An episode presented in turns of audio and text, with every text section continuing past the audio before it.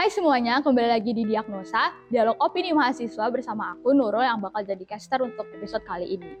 Nah hari ini kita bakal ngebahas topik yang denger-denger sih katanya udah lama nih pengen dibahas di Diagnosa, cuman sengaja disimpan untuk dibahas di episode kali ini.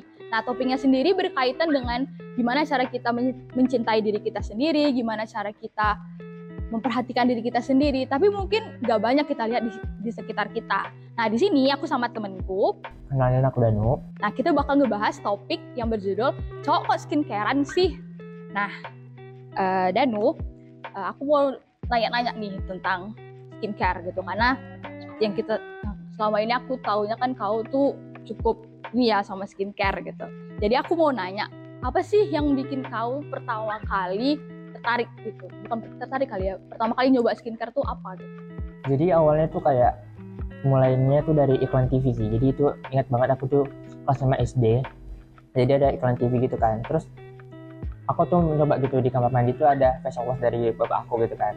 Terus aku langsung tanya kan ke mama aku kayak e, boleh langsung dicobain nggak? Gitu kan. Terus mama aku tuh bilang kayak e, enggak deh kata nunggu udah gede aja tapi aku nggak dengerin gitu kan. Terus aku cobain aja sampai akhirnya tuh kelas 6 tuh aku udah punya wash sendiri. Dan itu SMP itu udah aku udah pakai mulai pakai sunscreen kan. Terus berlanjut lagi kayak SMA itu udah mulai pakai moisturizer juga gitu. Terus akhir 2018 tuh inget banget aku tuh itu aku punya jerawat pertama kali gitu kan. Ya udah mulai dari situ tuh aku tuh mulai ngulik-ngulik tuh. Yang namanya tuh kayak di Twitter kan ada base gitu kan namanya moment fits gitu-gitu kan. Terus mulai dari situ aku kepo-kepo kan sama skincarean kayak gitu kayak gitu jadi aku tuh udah mulai kayak yang uh, nyoba bahan aktif gitu kayak niacinamide, alpha arbutin, salicylic acid gitu gitu kan terus aku mulai nyari, nyari tahu tuh kayak mulai dari ini loh yang kayak dari Female Daily terus YouTube YouTube dari dermatologis kayak gitu jadi sampai akhirnya kayak yang explore aja sampai sekarang Oh gitu, banyak juga ya yang kau coba-coba berarti ya. Iya. Yeah. Uh, terus waktu pertama kali uh, orang pasti tahu kan kau nyoba-nyoba skincare gitu. Nah waktu mereka tahu tuh reaksi mereka gimana? Uh, awal mereka tahu tuh kayak yang oh gitu dan perawatan perawatan gitu kayak diceng-cengin gitu sih awalnya kayak yang eh, ke perawatan ya perawatan gitu. Cuman ya aku nggak begitu peduli sih emang. Cuman kalau dari respon mereka yang lain-lain tuh aku nggak begitu inget cuman emang kayak diceng-cengin yang istilahnya kayak spesialnya gitu kayak nggak di perawatan gitu lah gitu. Karena kan emang di sekitar aku kan nggak ada yang namanya kayak perawatan kau uh, kau bawa uh, kan kadang kalau kita pakai skincare itu kayak sunscreen kan misalnya itu kan harus di-apply gitu kan. Yeah. itu kau bawa nggak? Ke mana kau pergi gitu? Uh, kadang aku bawa. Apalagi kalau ke kampus kan. Hmm. kelas siang atau segala macam tuh itu aku sering bawa gitu kan. Uh, aku di apply itu paling ke kamar mandi sih biasanya gitu kan. Atau enggak yang pakai yang spray gitu-gitu sih cuman uh, dibanding sunscreen aku juga kadang suka bawa yang micellar water juga. Hmm, ya sih aku ingat waktu kita pertama kali sekelas itu aku nengok kau kayak bawa sunscreen gitu. Terus aku kayak ih dia bawa sunscreen gitu. Sebenarnya bukan karena kau cowok terus bawa sunscreen sih tapi lebih ke aku baru pertama kali nengok orang seumurku tuh bener-bener bawa sunscreen gitu ke mana-mana dia pergi. Bahkan aku sendiri nggak pernah bawa gitu.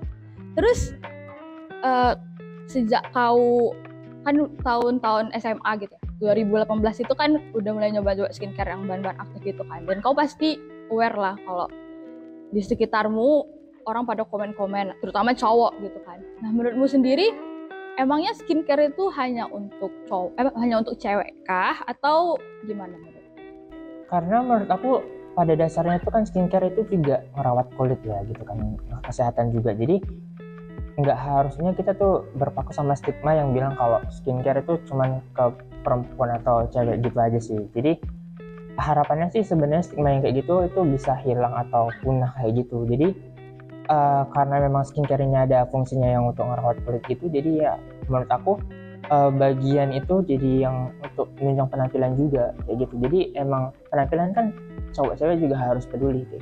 di sekitarku tuh juga banyak sih kayak uh, sebenarnya kalau di sekitarku sendiri cowok pakai skincare pun juga bukan hal yang aneh gitu karena kayak keluarga aku tuh juga ada yang pakai gitu jadi ya menurutku juga wajar-wajar aja sih cowok pakai skincare gitu. Yeah. Kalau belakangan ini ada nggak produk yang lagi kau suka yang jadi holy grailmu lah gitu ada nggak Kalau belakangan ini sih ada, cuman emang tuh produknya tuh memang dari awal aku coba tuh langsung aku suka aja gitu. Jadi produk itu dari ini dari La Roche-Posay dia yang si Plus yang B5 ini. Jadi eh, dia tuh selain ngatasin moisturizer gitu juga dia bisa ngatasin iritasi yang kayak kemerahan-kemerahan kayak gitu. Itu sih.